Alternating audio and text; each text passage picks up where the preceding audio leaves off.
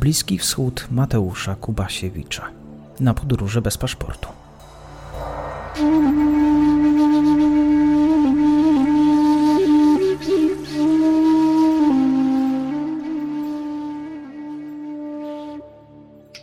Dzień dobry Państwu, przy mikrofonie Mateusz Kubasiewicz. Zapraszam na rozmowę o Afganistanie.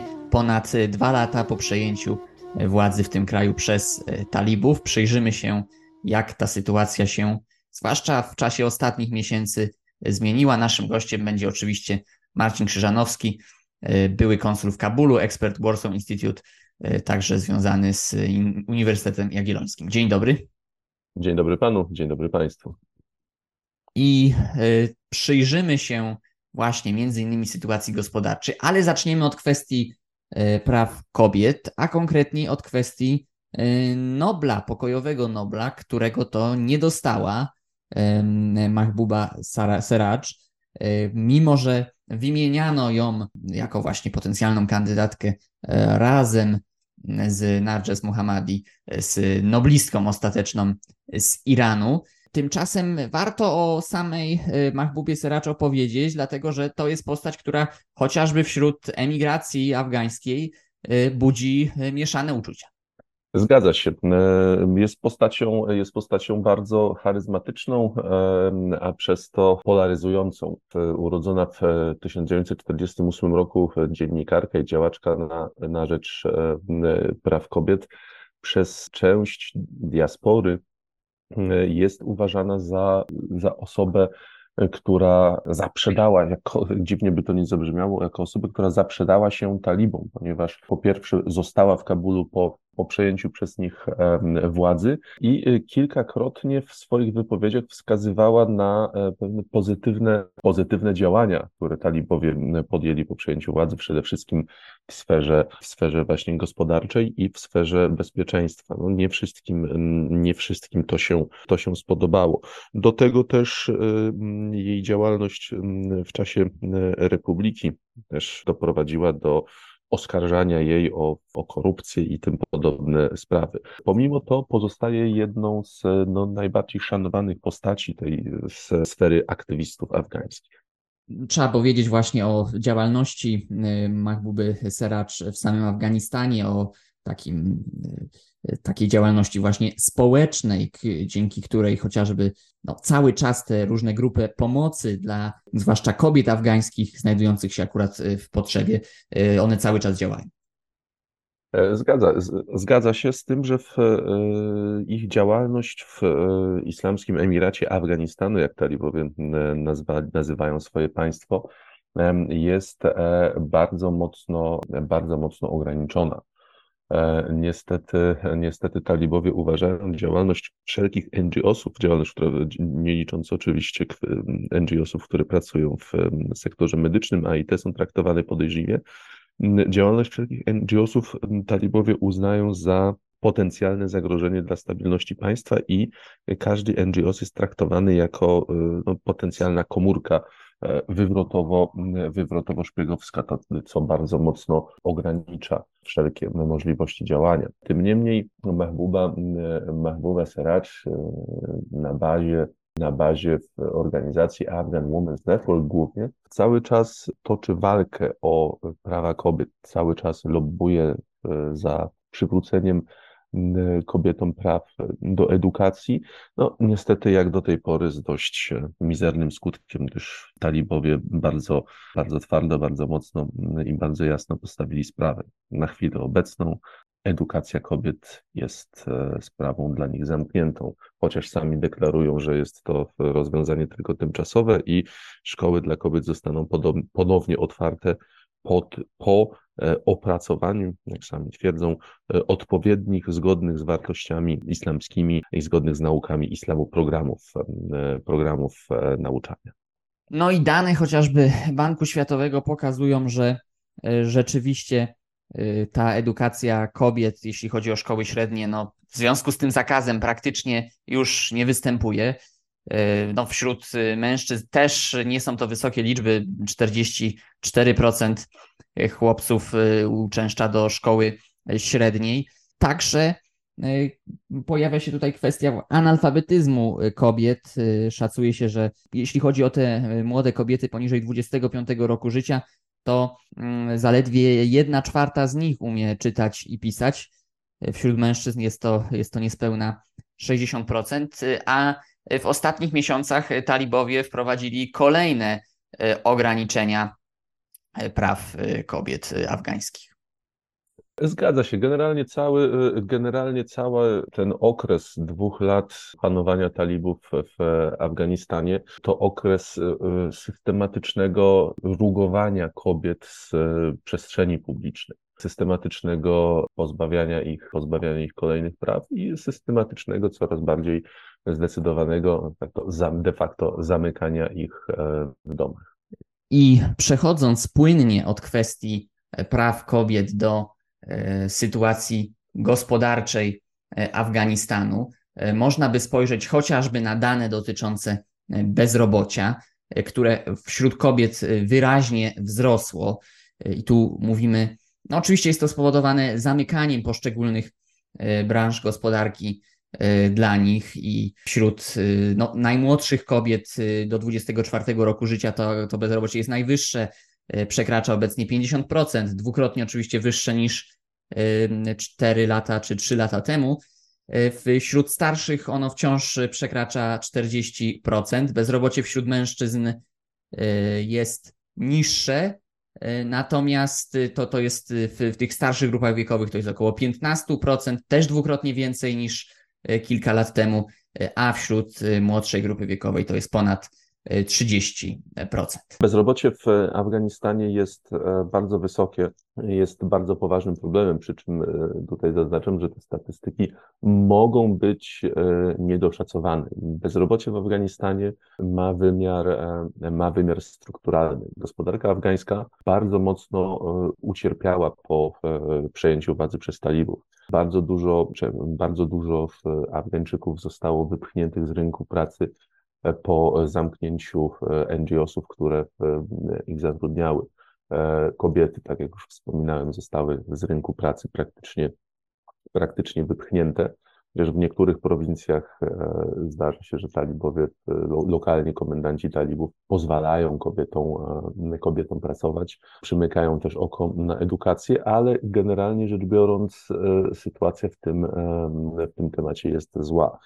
Talibom udało się, co prawda, uniknąć e, bankructwa kraju, unik, udało im się uniknąć totalnego załamania gospodarczego i to stało się to zarówno dzięki, e, e, dzięki zaskakującej dobrej, zaskakująco dobrej pracy urzędników rządu talibów, jak i też warto o tym, warto o tym pamiętać, pomocy międzynarodowej, bo pomimo przejęcia władzy przez talibów, pomimo braku ich oficjalnego uznania przez jakiekolwiek państwo świata, pomoc humanitarna tym finansowa obliczona na stabilizację afgańskiej waluty wciąż, e, wciąż płynie. Szacuje się, że e, od przejęcia władzy przez talibów, czyli w ciągu minionych dwóch lat z kawałkiem, do Afganistanu trafiło prawie 2,5, według niektórych szacunków 3 miliardy dolarów e, w ramach pomocy, pomocy humanitarnej i, i rozwojowej. Do tego, do tego wciąż, wciąż działają liczne liczne NGOsy, które na przykład, e, które między innymi ratują afgański sektor opieki zdrowotnej, który no, talibow, to akurat w którym to talibowie nie mogą się pochwalić żadnymi sukcesami. E, I ta afgańska gospodarka no, jeszcze, się, e, jeszcze się trzyma, jednakże nawet, nawet notuje notuje pewien rozwój. Tym, że jest to wciąż rozwój zbyt powolny, żeby mógł wytworzyć dostateczną liczbę miejsc pracy, liczbę miejsc pracy, która byłaby w stanie, która by byłaby w stanie no, pokryć e, bardzo dużą populację afgańskich, afgańskiej młodzieży, e, jak również zresztą dorosłych. I pamiętajmy, że to bezrobocie jest tak wysokie, mimo że przecież wielu Afgańczyków kraj opuściło. Trzeba jednak też powiedzieć, że te negatywne zjawiska w irańskiej gospodarce, o których także rok temu, tudzież niecały rok temu, bo w marcu tego roku rozmawialiśmy, one Polecamy oczywiście ten podcast Granice Dalej, ten nasz odcinek podcastu Granice Dalej. Tymczasem od tego czasu sytuacja nieco się poprawiła. No, jeśli chodzi chociażby o wskaźniki ubóstwa, one choć no, zaraz po przejęciu władzy przez talibów, chociażby to, to naprawdę poważne E, niedożywienie, niestabilność żywnościowa dotykała połowę populacji. Dzisiaj to jest 40%. Płace realne, które spadły w ciągu pierwszego roku po przejęciu władzy przez talibów o 20%. Dzisiaj wynoszą już o 10% więcej niż w momencie, gdy talibowie dochodzili do władzy. Kolejny taki element, o który, który też pan zapowiadał w naszej poprzedniej rozmowie, można by powiedzieć, czy przewidywał, że ten rok dla rolnictwa afgańskiego może być udany, i rzeczywiście tak było, o ile inflacja y, jeszcze no w zeszłym roku była y, wysoka, to w tym roku, no w zasadzie od pół roku mamy do czynienia z deflacją, głównie ze względu na ceny żywności. Y, udane zbiory sprawiły, że te ceny żywności spadają, a oczywiście ta deflacja, która oczywiście nie jest korzystna dla gospodarki, powodowana jest przez, przez to, że Afgańczycy po prostu nie mają pieniędzy. E, zgadza się. Generalnie brak e, pieniędzy, rozumiany nie jako brak pieniędzy w portfelach ludzi, ale po prostu zbyt mała, e, zbyt mała ilość pieniądza w obiegu, jest czynnikiem, który z jednej strony nie pozwala, nie pozwala osiągnąć gospodarce wysokich wzrostów, z drugiej strony hamuje inflację. Talibom udało się, talibom udało się też zahamować zahamować spadek kursu afgańskiej waluty, czyli Afganii, e, która tuż po, e, która tuż po przejęciu przez nich władzy, no, której wartość drastycznie spadła. W tym momencie już e, sytuacja, sytuacja na rynku walut jest ustabilizowana. I talibom udało się udało się uniknąć bankructwa kraju, talibom udało się wejść na drogę wzrostu gospodarczego, ale wciąż jest to wzrost zbyt mały. Afgańska gospodarka e, właściwie od początku istnienia, e, istnienia nowożytnego e, Afganistanu była jest i jeszcze niestety długo, długo będzie zbyt mała jak na tak dużą populację. I tutaj, tutaj bardzo dużym problemem też było, jest, była, jest i będzie kwestia inwestycji e, zagranicznych, a właściwie ich całkowitego, całkowitego niemalże e, braku, bo to właśnie głównie inwestycje zagraniczne pozwalają napędzać gospodarkę w, sytu, w sytuacji, kiedy właśnie rodzime możliwości są zbyt małe jak na populację. Niestety, pomimo tego, że talibom udało się zapewnić, e, zapewnić bezpieczeństwo w kraju, to z powodu bałaganu legislacyjnego, a właściwie nie tyle bałaganu legislacyjnego, co, co, co braku jakiejś wyraźnej, legisla, wyraźnej legislacji w tym temacie, nie można liczyć na to, że w najbliższym czasie e, coś się, e, coś się zmieni. Więc afgańska gospodarka e, będzie, będzie niestety wciąż i bezustannie wzrastać bardzo powoli i pozostanie pomimo to niewydolna. Właśnie jeszcze mówiąc o tej afgańskiej gospodarce, warto powiedzieć, że opiera się ona no na usługach. Oczywiście nie są to zaawansowane usługi, one około 45% PKB stanowią i na rolnictwie 1 trzecia PKB, przemysł no to jest około 20% e, produktu krajowego brutto. No i właśnie to rolnictwo prawdopodobnie sprawi, że wynik PKB za 2023 rok będzie lepszy niż za rok poprzedni. W poprzednim roku mieliśmy kilkuprocentowy spadek we wszystkich gałęziach PKB, ale właśnie to rolnictwo, które mocno te ostatnie dwa lata, 21, 22 rok były słabe dla rolnictwa. Te, te plony były jedną czwartą mniejsze niż, niż w poprzednich latach. Wydaje się, że w tym roku ten wynik będzie lepszy i między innymi ze względu na właśnie deflację, ale też ze względu na ograniczenia w handlu walutą. Afgańska waluta w tym roku umocniła się, czy w ciągu ostatniego pół roku umocniła się w stosunku do. Mówił Pan o budżecie afgańskim. Budżecie, który tu talibowie chwalą się, deficyt jest w zasadzie bardzo niewielki. No ale trzeba powiedzieć, że zarówno dochody, jak i wydatki, przede wszystkim wydatki budżetu, mm, są o połowę mniejsze niż przed dojściem talibów do władzy, czyli po prostu to państwo działa o połowę mniej, mniej aktywnie. Dokładnie. Tutaj państwo, państwo talibów jest, e, jest państwem, e, jest państwem mokrym snem skrajnych liberałów, bo jest państwem, państwem niezwykle tanim, ale również, e, jak sam pan wspomniał, państwem, które zapewnia tylko naprawdę minimalny, minimalny poziom, poziom usług, przy czym jeśli chodzi o, y, o, o chociażby strefę, y, o sferę ochrony zdrowia, e, no to w, y, działalność państwa w tym, w tym, w tym, w tym zakresie jest no, bardzo, bardzo podstawowa, a i to ograniczona do większych miast.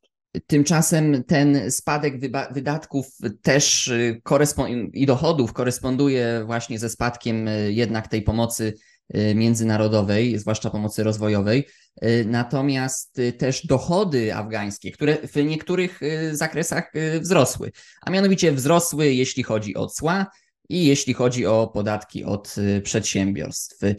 Co nie zmienia faktu, że według danych Banku Światowego te przedsiębiorstwa no, są na wiele z nich już upadło, wiele z nich jest na skraju upadku, więc perspektyw zbyt dobrych tutaj dla gospodarki afgańskiej z pewnością nie ma. Z takich ciekawych zjawisk, jeśli chodzi o wymianę handlową afgańską, y, mówiliśmy w poprzedniej naszej rozmowie, że w 2022 roku import y, spadł, eksport y, wzrósł, bilans handlowy się poprawił. Tymczasem w roku obecnym jest wręcz na odwrót. Import wzrósł, a eksport spadł chociażby dlatego, że węgiel potaniał bardzo mocno, a w, w roku 2022 roku to drożejący węgiel był był takim motorem napędowym tego eksportu. Wzrósł wprawdzie eksport y, bawełny. E, największym partnerem handlowym jest y, Iran. E, zgadza się. I tutaj to, to ceny węgla na światowych rynkach, ściśle mówiąc ich spadek, no, sprawiły, że sukces gospodarczy talibów już nie jest tak wyraźny jak w zeszłym roku. Wzrost importu z kolei jest e, spowodowany, spowodowany tym, że miejscowa wytwórczość jest na e, bardzo niskim poziomie. Afganistan może się pochwalić swoim własnym przemysłem, jednakże w większości przypadków są to e, fabryki i zakłady, warsztaty dosyć, dosyć małej wielkości i produkujących potrzeby, produkujących, produkujących tylko podstawowe podstawowe i raczej proste produkty, całą elektronikę, AGD, maszyny e, wszelkiego rodzaju. Afganistan e, musi importować. Ten wzrost importu niestety jest złym sygnałem dla afgańskiej gospodarki, gdyż budżet, e, budżet nie jest z gumy, po prostu im więcej jest kupowane za granicą, tym, tym, tym mniej zysków z eksportu będzie można, e, będzie można inwestować e, na miejscu, co zresztą, e, co zresztą widać było podczas mojego ostatniego pobytu, czerwcowego pobytu w Afganistanie. To może właśnie o wrażenia z tego czerwcowego pobytu w Afganistanie bym zapytał, jak chociażby ta sytuacja społeczna, gospodarcza, jak pan ją postrzegał na miejscu? E, trzeba podkreślić, e, trzeba podkreślić, że talibom udało się e, zapewnić i utrzymać, co istotne, bezpieczeństwo. Afganistan w tym momencie, w tym momencie jest, może się pochwalić wewnętrzną stabilnością, jest stabilny wewnętrznie, przynajmniej tak długo jak talibowie pozostają, pozostają zjednoczeni. To jest e, pierwsza rzecz. E, druga rzecz e, to zniknęła, zniknęło z ulic większość, większość osób żebrających. Stan czystości na ulicach też się znacząco poprawił. Tutaj talibowie, talibowie okazują się, okazują się zaskakująco dobrymi, dobrymi gospodarzami. Tu jeszcze co do tego bezpieczeństwa, wspomniałem o tych wynikach, jeśli chodzi o edukację średnią. No, jeśli chodzi o edukację podstawową, to według oficjalnych danych y, poziom skolaryzacji na tym poziomie wręcz wzrósł, właśnie ze względu na to, że już tym y, szkołom podstawowym ataki talibów e, nie zagrażają, gdyż oni aktualnie rządzą. Y, jeszcze taki ciekawy element dotyczący sektora finansowego. Tutaj też on oczywiście musi mierzyć się z sankcjami. Jest, Bank Światowy pisze o takim powiedzmy wewnętrznym, nieoficjalnym czy półoficjalnym systemie finansowym, a z kolei banki afgańskie są przez talibów zachęcane, to jest za małe słowo, no zmuszane po prostu do przechodzenia na bankowość islamską. O bankowości islamskiej też miałem kiedyś okazję nagrać krótki monolog w podcaście Granice Dalej ten sektor finansowy w Iranie, w Afganistanie wygląda? E, bardzo kiepsko. Tutaj, e, tutaj niestety, e, niestety swoje piętno odciska wspomniany przez nas wcześniej brak odpowiedniej ilości pieniądza w obiegu. E, dodatkowo e, e, kiepskie, kiepskie jakiekolwiek zaplecze finansowe i dochodowe Afgańczyków sprawiają, że banki nie, mo, nie mają możliwości, za bardzo możliwości kreacji pieniądza poprzez udzielanie kredytów. Więc sektor bankowy w Afganistanie w tym momencie nawet nie tyle działa na półgwistka, co po prostu wegetuje. W naszej poprzedniej rozmowie rozmawialiśmy mm, także o stosunkach z sąsiadami, analizowaliśmy, jak y, z poszczególnymi e, państwami regionu te relacje się układają. Co tutaj się zmieniło? Szczęśliwie dla Afganistanu e, nic. E, talibowie z żelazną konsekwencją trzymają się, trzymają się tego, że E, skupiają, trzymają się tego, że sprawy sąsiadów ich nie dotyczą, skupiają się na polityce wewnętrznej. Jedynym wyjątkiem jest, e, jak to w historii e, Afganistanu z reguły bywa, Pakistan. Relacje z Pakistanem są bardzo napięte w tym momencie z dwóch zasadniczych powodów. Po pierwsze, to działalność pakistańskich talibów, czyli Tehrike Tolebone Pokeston, którzy, no, krótko, krótko mówiąc, chcą powtórzyć sukces swoich, swoich północnych afgańskich odpowiedników i walczą z rządem afgańskim o ustanowienie właśnie państwa islamskiego. Afga Pakistan oskarża afgańskich talibów o wspieranie E, wspieranie e, tego pakistańskiej organizacji.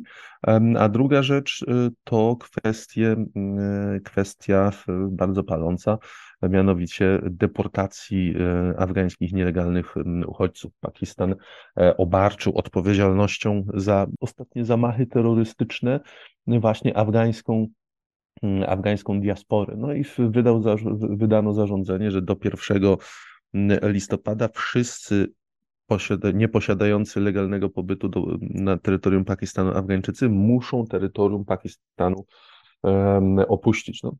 Rozchodzi się o prawie 2 miliony osób, milion 700, milion 800 tysięcy w zależności od, mm, od, od, od, od, od e, dane, dane, dane się trochę różnią w zależności od ośrodka, który je podaje. Tak czy inaczej jest to, jest to ogromna, e, ogromna liczba e, osób. Te dwie kwestie powodują, że relacje pakistańsko-afgańskie są e, bardzo napięte. Z kolei z pozostałymi sąsiadami, nawet z Iranem, e, gdzie w przypadku którego zdarza, zdarza, zdarzało się, że w minionym roku dochodziło do starć zbrojnych na granicach, relacje się ułożyły, ułożyły bardzo dobrze. Obydwu stronom udało się do, dojść do kompromisu w sprawie podziału wód rzeki Helmand, co było co było główną osią sporu. E, I obecnie między Iranem a Afganistanem nie ma większych, e, większych zadrażnień. Z sąsiadami północnymi od samego początku, z wyjątkiem Tadżykistanu, od samego początku talibowie układali się całkiem dobrze. Nawet z Tadżykistanem udało się, e, udało się relacje ułożyć i obecnie są poprawne. Tadżykistan no, wycofał się z takiego otwartego popierania afgańskiej opozycji, ograniczył działalność na swoim terytorium afgańskiego e, front, Narodowego Frontu e, Oporu, wobec czego, wobec czego no, zniknął jedyny tak naprawdę problem we, we wzajemnych relacjach. Tak, no oczywiście te relacje z Iranem są napędzane przez to, że Iran jest głównym eksporterem e, dóbr do Afganistanu. Tymczasem chciałbym w takim razie spytać o te różne projekty energetyczne, głównie mające łączyć właśnie Afganistan, no, czy to z państwami Azji Centralnej, czy, czy, czy, czy z Iranem. Na ile te projekty, na ile jest jakiś rzeczywiście postęp w tych projektach, a na razie mówimy, a, a na ile mówimy tylko o jakichś prawda, spotkaniach liderów, którzy tam uściskują sobie ręce? E, jest postęp i to duży postęp. Tutaj też e, trzeba, trzeba przyznać e, talibom, że ruszyli z miejsca, jeśli chodzi o, jeśli chodzi o energetykę. Że stan, stan projektów, stan energetyki afgańskiej dalej jest katastrofalny.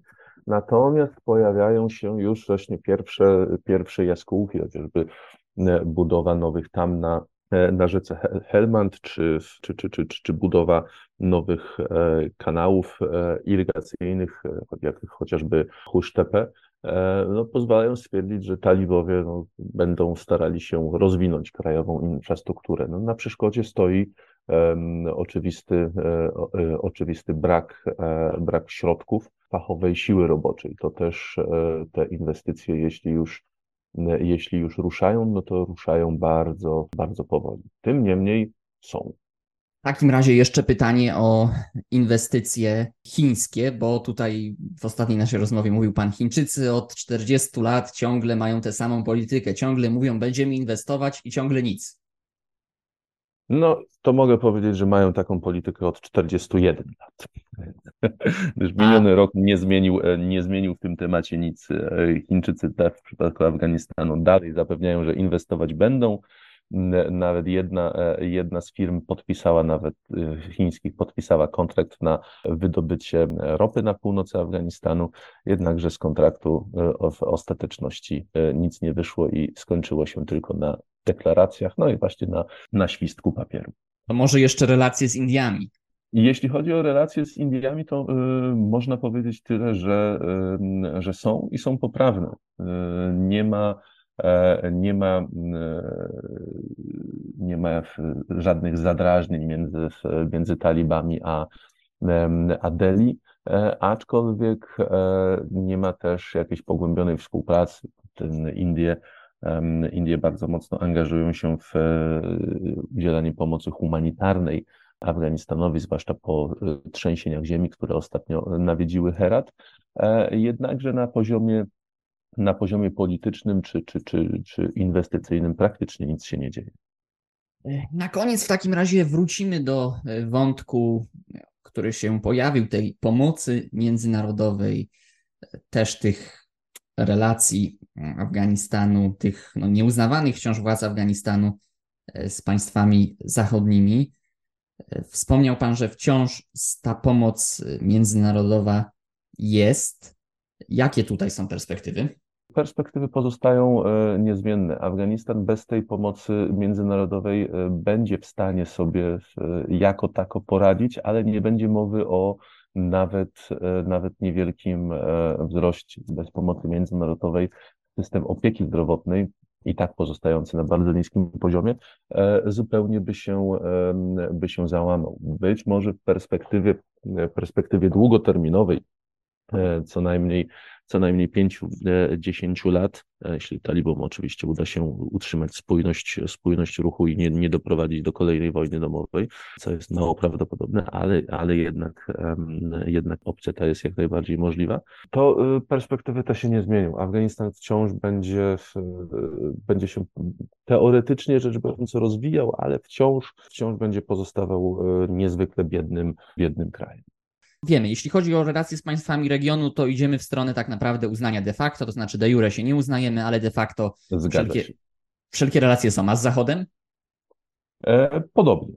E, żaden kraj nie wyjdzie przed szereg i e, nie uzna Afganistanu bez ogólnego konsensusu społeczności e, międzynarodowej i dotyczy to w szczególności właśnie krajów, krajów zachodnich. Kraje zachodnie, tak z wyjątkiem oczywiście Stanów Zjednoczonych, tak naprawdę, machnę, kolokwialnie mówiąc, machnęły ręką na Afganistan. Owszem, NGOsy z poszczególnych krajów, w szczególności z Francji i Szwecji, wciąż e, działają na afgańskim terytorium, ale to właściwie tyle. Wojna się skończyła, sprawa załatwiona, wszyscy chcą może nie tyle zapomnieć, co nie chcą pamiętać o Afganistanie, bo Afganistan to z reguły same kłopoty. Tak, no Ashraf Ghani, który z tego co, z tego co wiemy nie zrzekł się oficjalnie swojego stanowiska prezydenta Afganistanu, jednak na Zachodzie zbyt dużego, realnego jakiegoś poparcia czy y, jakiejś chęci przywracania jego władzy niewątpliwie nie ma. Zgadza się i nie będzie, to mamy, mamy do czynienia z bardzo ciekawą sytuacją, bo e, właśnie teoretycznie rzecz biorąc, Ashraf Ghani pozostaje legalnym prezydentem Afgańskiej Republiki.